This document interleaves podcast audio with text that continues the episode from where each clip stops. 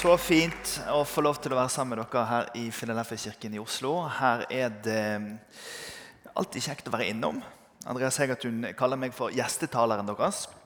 Og det er jeg veldig glad for. at jeg får lov til å komme innom her. Jeg er jo ofte i hovedstaden, da, eh, fordi at jeg har også et verv som leder for Pinsebevegelsens lederråd i Norge. og Det gjør at jeg er innom her og må styre med litt ting. og sånn. Men jeg syns alltid det er kjekt å være her i Philadelphia-kirken. og eh, så er det sånn at det, Når man kommer hit som gjestetaler, så får man utdelt eh, hovedserien og undertema. Man får nesten utdelt manus. Men jeg har sagt at manus det skriver jeg selv. Talen den forbereder jeg selv. Eh, men jeg skal jobbe innafor. Så nå eh, Vetle, så jobber jeg for, for, deg nå. ikke sant? Nå er det du som er sjefen i rommet. Nå må du skrive notater hvis jeg sier noe feil. Og så håper vi at eh, dette skal gå bra i løpet av de neste minuttene. Jeg bor i Bergen, jeg har tre barn. Og ja, de er ikke barn lenger, da. 22-åringen er blitt ungdomsleder. 19-åringen i krigen oppe i eh, Setermoen. Og 16-åringen han eh, hadde egentlig et bilde det skal jeg vise på neste gudstjeneste, av han når han eh, drev med skiflygning når han var tre år. Det har jeg funnet fram igjen nå før OL begynte, for å, for å vise til eh, de ulike menighetene jeg taler til, at eh, jeg avlet han opp et stykke, men så sluttet han med skiflyvning. Takk for responsen. Det var voldsomt mye trøkk i salen her nå i ettermiddag. Eh, så jeg er gift med hun jeg fant på, på videregående. Det går superbra. 25 eh, år. Hun er hjemme nå og har eh, covid. Og det er helt tydelig på tekstmeldingen hun sender. For det er så mye skrivefeil og så mye i ørska på de der tekstmeldingene at jeg, jeg, blir her til i morgen. Alright. Temaet dere, det er hverandre. Og mitt undertema er altså å oppgløde hverandre. Og jeg ble ganske oppglødd av et sånt søndagsskolebarn som hadde havnet i en liten krangel med sin naturfagslærer. Fordi naturfagslæreren sa at hvaler spiser ikke mennesker. Og Da sa det lille barnet jo, Jonah i Bibelen ble spist av en hval. Men da sa naturfagslæreren nei, det stemmer nok ikke, fordi at hvaler spiser ikke mennesker. Jo, jeg skal spørre han når jeg kommer til himmelen, om han ble spist av en hval. Og så sier denne naturfagslæreren, men hva hvis han ikke kommer til himmelen, men han kommer til Og da sa dette søndagsskolebarnet, da kan du spørre han. Altså, Sånt oppgløder meg. Det oppgløder meg når eh, kristne folk har litt attitude, og når vi har litt sånn, vi har litt sånn fraspark. Og det trenger vi. Nå skal vi åpne opp igjen etter pandemien. Og så trenger vi å oppgløde hverandre. Vi trenger å komme sammen. og det er det jeg har lyst til å snakke med oss om her i dag. Jeg har lyst til å snakke om det, viktigheten av at vi, vi kommer sammen. Jeg ble, jeg, ble, unnskyld, jeg ble, invitert til å tale på fellesmøtene borte på en, en øy på Vestlandet hvor, hvor det er utrolig mange kristne der. Eh, og jeg tenkte walk in the park og tale på fellesmøtene her. Våknet på hotellet, gikk ned forbi foajeen der, og så skulle jeg gå ut. Og Der satt det rundt 50 eldre damer med strikkepinner og sånn vever og perler. og sånn. Det var masse sånn håndarbeid. Og jeg skjønte det at disse damene på denne øyen de skal ikke på mitt møte borte i kirken. De skal rett og slett sitte her og jobbe med hendene sine. Så går jeg bort der, og det er høy hallelujafaktor. Liksom. Eh, og jeg er strålende fornøyd. Kommer tilbake igjen, og der sitter de fortsatt. Så tenkte jeg på det der etterpå. Det, det er jo veldig rart. Her har vi altså en gruppe som er glad i veving, og så har vi en annen gruppe som er glad i Jesus. Og rent sånn Sosiologisk sett, for den som ikke tror så mye, så tenker man ja, men det er jo akkurat sånn det er. Folk finner jo sin tilhørighet i den gruppen de er glad i. For det er jo en av de mest grunnleggende lengslene i oss mennesker, det å tilhøre et sted. Kidsa som begynner i idretten, sant? de begynner på fotballen, og så blir de etter hvert fotballdommer, så blir de fotballtrener fordi de skjønner at de ikke kommer til å bli proff. Eller så tenker de de skal spille i Brann, og så rykker de ned likevel. Altså Det skjer noe der. Og så blir de gående hele livet sitt på fotballbanen. Noen blir gående i det politiske partiet, andre i den, i den kulturarenaen som de er glad i. Tilhørighet er en grunnleggende lengsel i oss. Og Vår familie vi er en vanlig bydelsfamilie. Vi har altså tre barn. Og så en kone som jobber, og så faren som jobber. Og vi har brukt livet vårt føler jeg, nå begynner de å flytte hjemmefra, på å kjøre mellom disse aktivitetene. Selge lodd for disse ulike foreningene Vente i bilen utenfor teateret og balletten og alt det greiene ungene mine har kommet på opp gjennom årene. Og det er ganske lett for oss som er kristne i Norge, å likestille den tilhørigheten vi har i disse her fritidsaktivitetene og de andre arenaene, med tilhørigheten vi har til den levende Guds menighet. Mange mennesker hiver inn i kalenderen sin alt som de skal gjøre, det viktige og det uviktige, ved siden av hverandre. Og etter en stund så er det livets alle detaljer og gjøremål og tilhørigheter som bestemmer. Og jeg har lyst til i løpet av de neste minuttene å vekke din oppmerksomhet rundt at det er et skille mellom det å tilhøre den levende Guds menighet og alle de andre tilhørighetsstedene vi har i livene våre. Fordi det vi er med på i den kristne menigheten, det har sine røtter i himmelen. Det er av en annen verden, og det er en åndelig viktig innsikt å forstå og prioritere nettopp dette. I Bergen så hadde det kommet et lite sånn Oh yeah! akkurat der. Men jeg respekterer at vi er på et mer dannet sted. Så jeg forventer ikke at dere skal svare meg. eller gi noe. Men hvis jeg holder opp hånden min sånn, så er det fordi at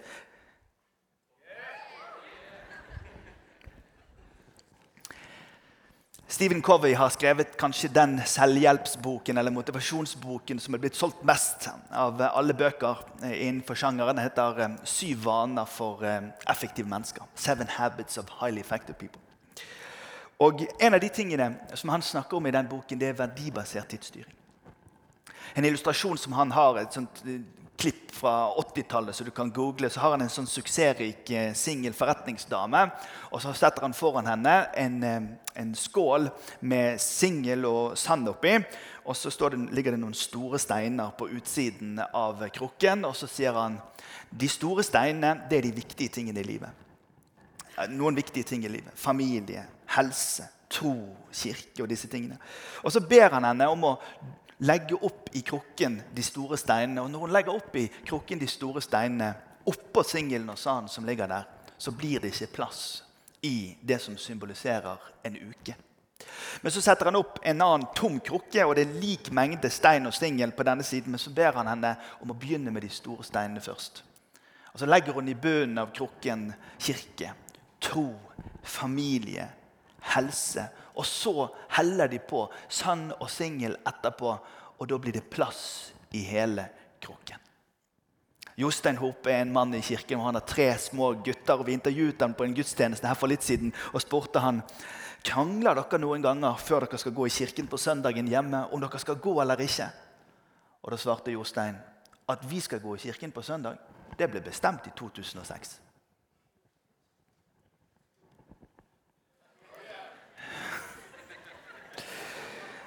Vi må trene oss før vi er tilbake igjen etter pandemien, kjenner jeg.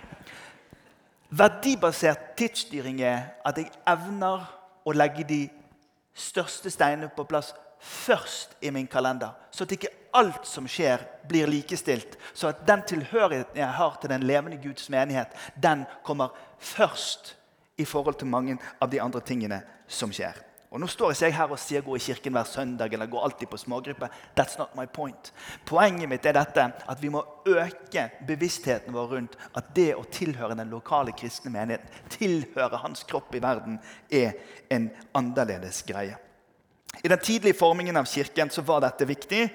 Og Til Efeserne så skriver Paulus det som skal være dagens tekst for oss. og Jeg leser fra kapittel 5, vers 14. Så skal vi ikke lenger være umyndige småbarn ikke la oss kaste hit og dit og drive omkring med hvert eneste vindpust av ny lære, så vi blir et bytte for menneskers falske spill og listige, forførende knep. Men vi skal være tro mot sannheten i kjærlighet, og i ett og alt vokse opp til Han som er hodet, Kristus. Ut fra ham blir hele kroppen sammenføyd og holdt sammen av hvert enkelt bånd og ledd. Og alt etter den oppgave som hver enkelt har fått tilmålt. Så at kroppen vokser og bygges opp i kjærlighet.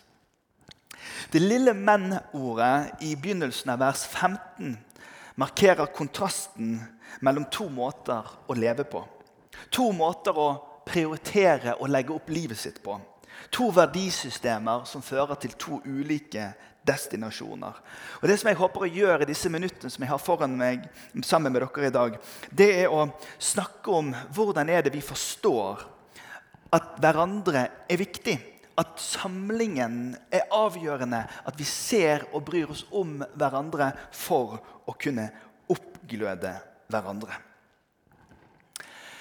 Det nye testamentet har en del bilder for eh, hva den kristne kirke er. Det er Guds familie, det er Guds folk, og så er det Kristi kropp. Og Disse bildene er egentlig mer enn bilder. Det er ikke ment som symboler. Det er, det er, rett og slett en beskrivelse av hvordan det hele fungerer. Og det som jeg vil snakke om her, og som står i teksten her, det er at vi er Kristi kropp i verden. Vi er en kropp sammen.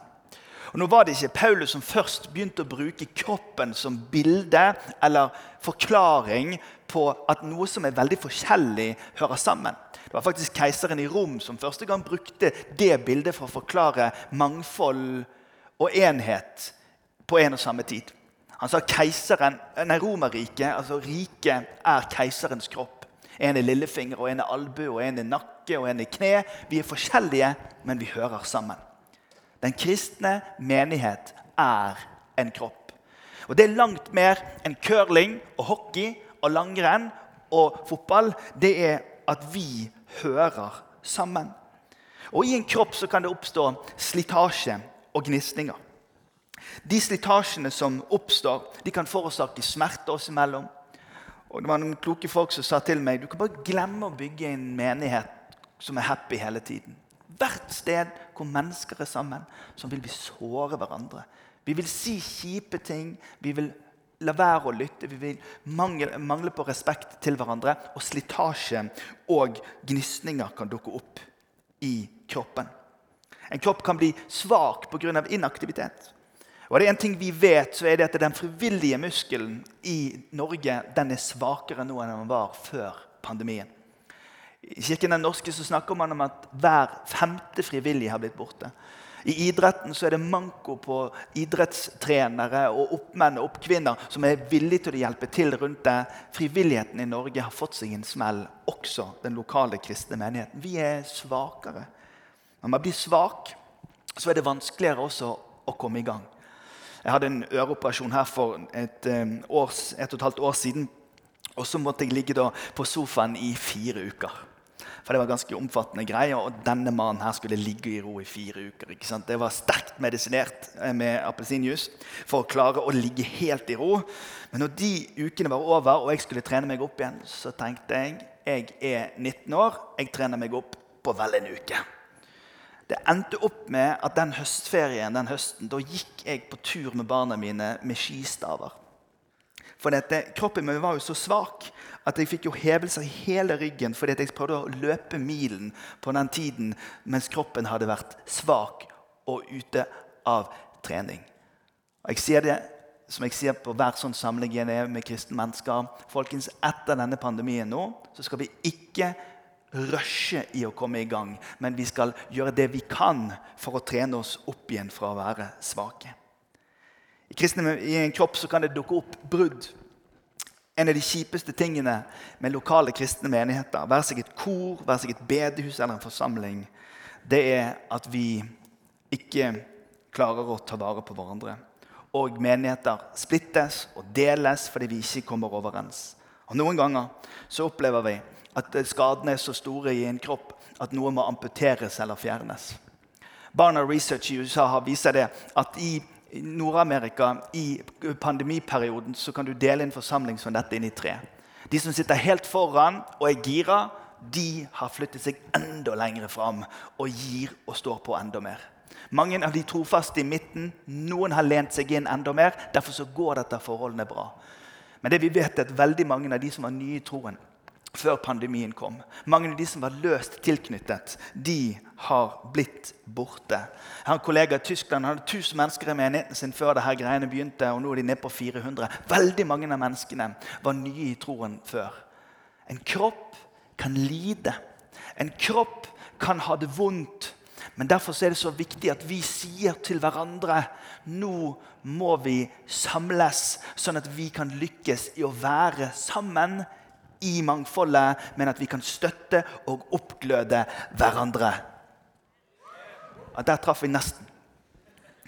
La oss ikke holde oss borte når menigheten vår samles, som noen har for vane.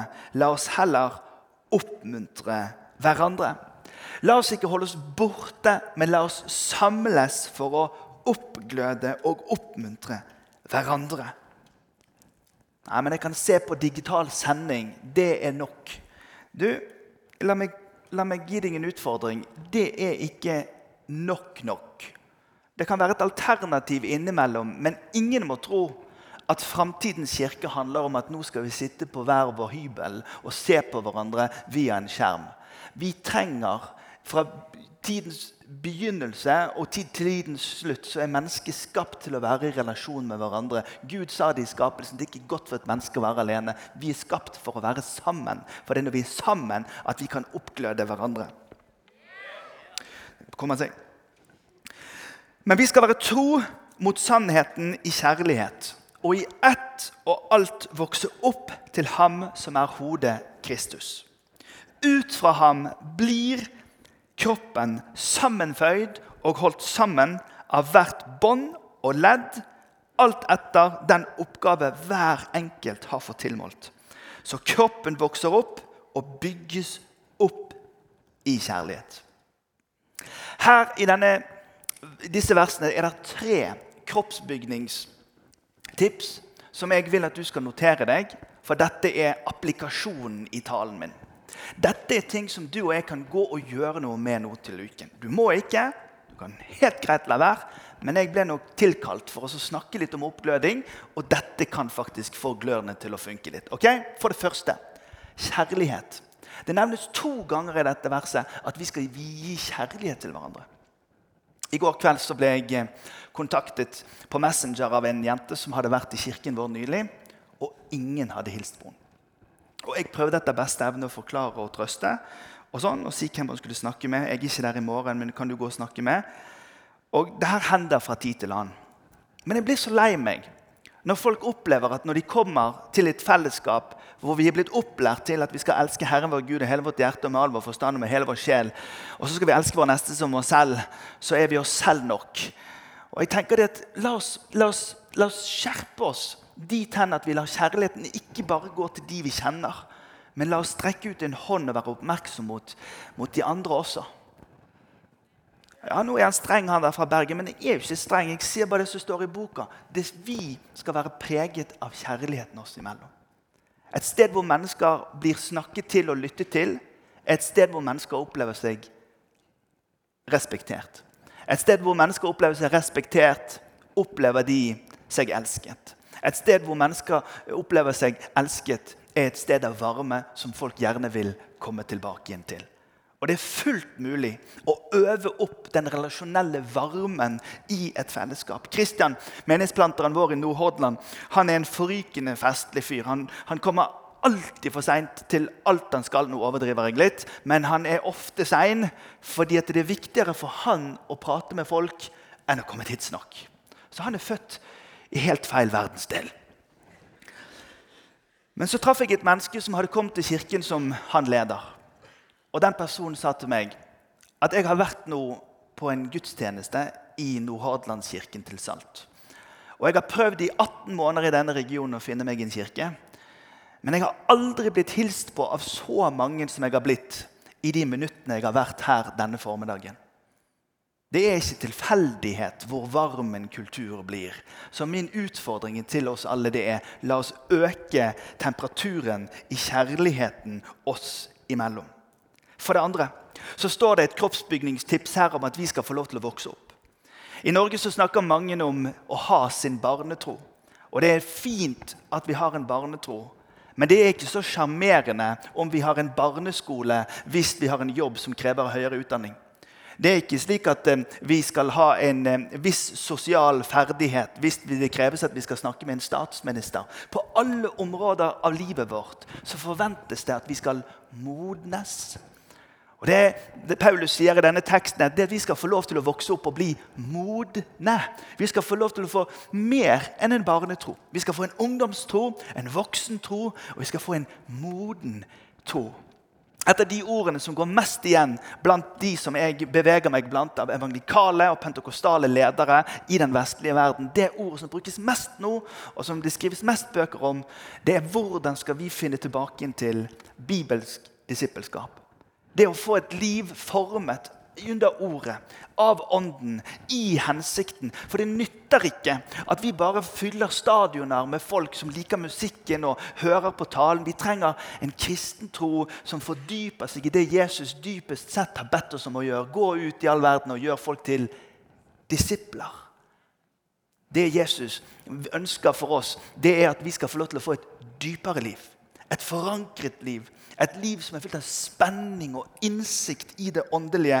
Og det dere, det kan vi bestemme oss for i fellesskap. Å oppgløde hverandre til bibelbruken, til bønnene, til gudstjenestelivet, til smågruppene, til diakonien. Dette kan vi få lov til å vokse opp til. Men vi kan også la være. Du vet, Hvis du lar være å pusse tennene dine en dag, så er det ikke katastrofe. Men lar du være i fem år, så kan du kjøpe deg nye tenner. Det var to brødre som bestemte seg for å bli litt smartere fordi de tapte alltid junior-geni. Og Nå var de 20 år gamle. Så den, de bestemte seg for å begynne å lese bøker. Den ene broren han leser ti sider for dagen, den andre broren spiller PlayStation. Jeg hater PlayStation. Jeg har sønner som har spilt så mye PlayStation at hvis jeg snakker om det en gang, jeg er traumatisert, jeg trenger å gå på samtaletjenesten. Men den ene broren han leser eh, et par bøker på to måneder. Og Da er det ikke så stor forskjell. De, de ligger jevnt på junior-geni.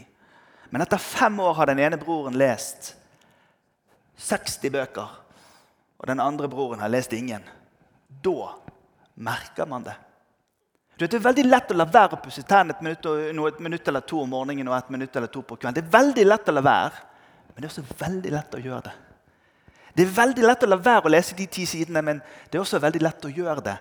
Over tid har det en enorm effekt om vi bestemmer oss for å høre denne oppmuntringen av at vi kan få lov til å vokse opp. Den tredje kroppsbygningsoppmuntringen i teksten som vi leser her i dag, handler om Jesusfokus. Det at eh, det store skillet mellom de ulike tilhørighetene som vi kan ha i Norge i dag, det er det at i Den kristne kirke så er det avklart hvem det er vi tror på. Mennesket er et lidenskapelig og elskende vesen. Vi vil alltid dras i kjærligheten og i begjæret til det som løftes opp for oss som den karakter eller image som vi skal elske. Men i den kristne kirke så er det helt avklart at her er det Jesus vi er samlet omkring. Og Paulus sier det, han sier på denne måten at jeg vil ikke vite noe annet hos dere enn at Jesus Kristus og ham korsfestet. Paulus er knalltydelig.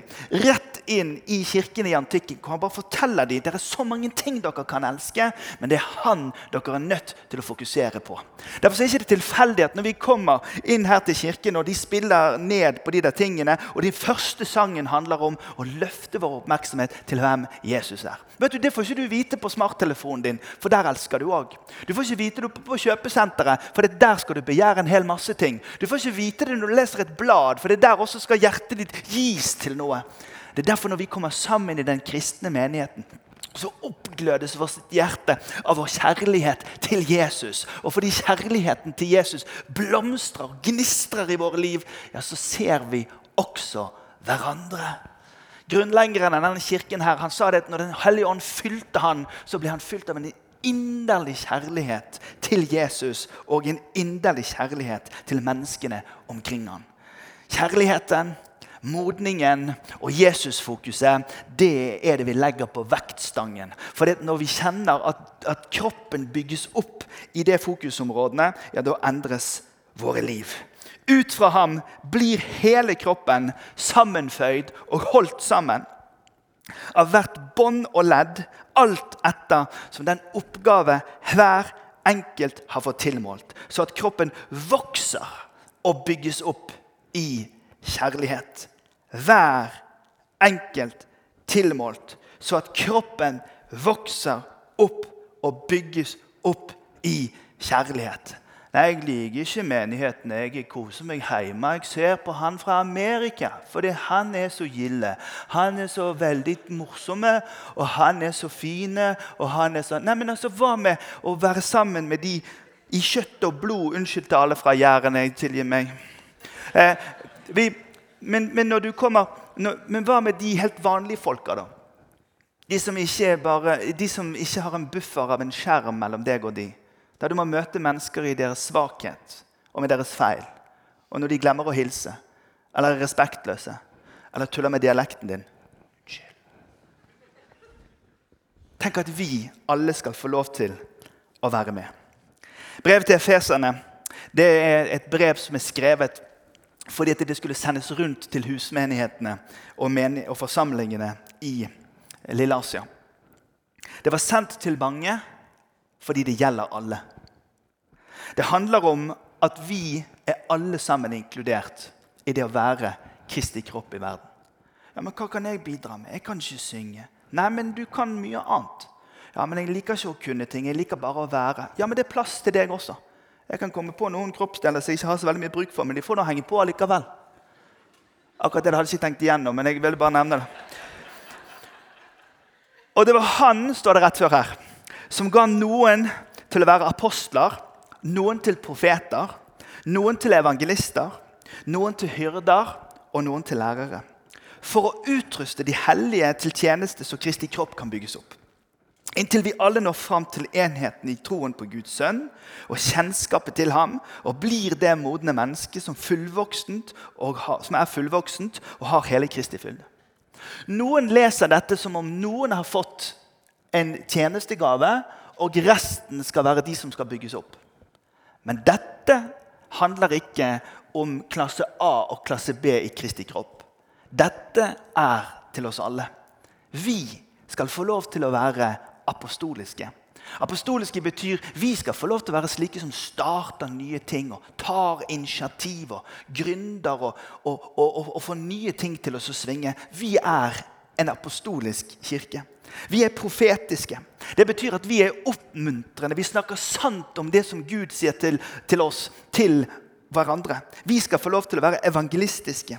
Ta en ekstra telefon, nå ut til de menneskene som vi ikke har sett på en stund. Prate med de folkene i oppgangen eller i hagen. Vi skal få lov til å være omsorgsfulle overfor hverandre. Vi skal få lov til å være lærere. Vet du, I Romerbrevet kapittel 12 så står det en gaveliste som Den hellige ånd gir. I 1. Korinterbrev kapittel 12 så står det en gaveliste som Den, den hellige ånd gir. Men i kapittel 4 i Efeserne så det er Jesus selv som gir sine gaver til sin kropp i verden. Så at vi skal få lov til å oppmuntre og oppgløde hverandre. Det er et vi i Kristi kropp, og i det vi-et så er du regnet med. Når Jesus får spørsmålet hva er det som er det viktigste, så svarer han du skal elske Herren din Gud av hele ditt hjerte, av hele din sjel og av all din forstand. Det er det største og det første budet. Men det andre er like stort. Du skal elske din neste som deg selv. Når smarttelefonen ble oppfunnet Hvis du tar eh, psykisk uhelse og legger korrelasjonen på den mellom gründingen av eh, smarttelefonen, så ser du at når denne havnet opp i ansiktet på oss, så gikk det en eksponentiell økning i psykisk uhelse i den vestlige verden. Vi lever i en underlig tid. En tid hvor vi er mer alene, vi strever mer med det som skjer her inne, og hvor vi har en ideologisk og tidsåndsmessig svingning som gjør at vi trenger Kristi kropp reiser seg. Vet du, Det som skjer i et land når vi glemmer Gud, det er at vi slutter også å se hverandre. Derfor er det i land, i land, som ikke løfter opp det at vi skal tilbe Gud og være glad i Gud og, og gi, tilbe Gud og sånn. Det blir sånne land som etter hvert preges også av at vi slutter å se hverandre. Det er det som er så unikt med den kristne kirke. Det er det at det å se Gud betyr også at vi ser hverandre. Det å tilbe Gud betyr også at vi har et oppmerksomhet på de menneskene som bor i oppgangen eller i nabolaget. De andre sine unger. De vennene som vi ikke har hatt kontakt med tidligere. Nestekjærligheten er en frykt av Guds tilbedelsen. Nestekjærligheten er en frykt av Jesus-sentreringen. Og vet du, Vi har fått meningen med livet vårt ved at Jesus har dødd og stått opp igjen for oss. Men meningen i livet vi lever, det kan vi finne i dette at han har gitt oss en forsoningens tjeneste. Som gjør at vi kan få lov til å være sånne helt crazy, ville folk. Som bare går annerledes gjennom hverdagene våre. Fordi Jesus han er herre i vårt liv. Det skal merkes i bygd og by. Det skal merkes på studiet og på arbeidsplassen. Det skal merkes i nabolag og i klassene rundt omkring at Jesus Kristus er herre i mitt hjerte. Vet du, Gud har alltid hatt comeback gjennom historien. Europa har blitt forandret mange ganger av vekkelsesbevegelser, fornyelsesbevegelser. Jeg tror det ligger bra ting foran oss etter denne pandemien. Men da trenger kroppen i verden å reise seg. Så Derfor så ber jeg dere om å bare reise dere akkurat nå. Og så skal vi be en bønn før Kristian kommer og synger en sang sammen med oss. Herre, nå reiser vi oss for å markere at nå er det hverandre som gjelder. Herre, troende og ikke-troende, tvilende og søkende. Herre, alle skal få lov til å være med. Du sier i ditt ord, Herre, at du har gitt alle en gave. Du har gitt alle en tjeneste. Du har gitt alle en plass. Herre, Derfor er det ikke sant det vi ofte føler eller tenker om oss selv. At vi har ingenting. I deg, Herre, så har vi alt. Og jeg ber akkurat nå, denne kvelden, om at du skal gjøre det slik for hver enkelt som er samlet her, eller som følger med på skjermen, Herre, at du skal oppgløde oss ved din Hellige Ånd. Og oppgløde oss slik at vi i fortsettelsen oppgløder hverandre. I Jesu navn. Amen. Du har nå hørt en podkast fra Filadelfia-kirken i Oslo. Vil du vite mer om oss, gå inn på filadelfia.no. Og ikke minst velkommen til å feire gudstjenester med oss hver eneste søndag, enten fysisk eller online.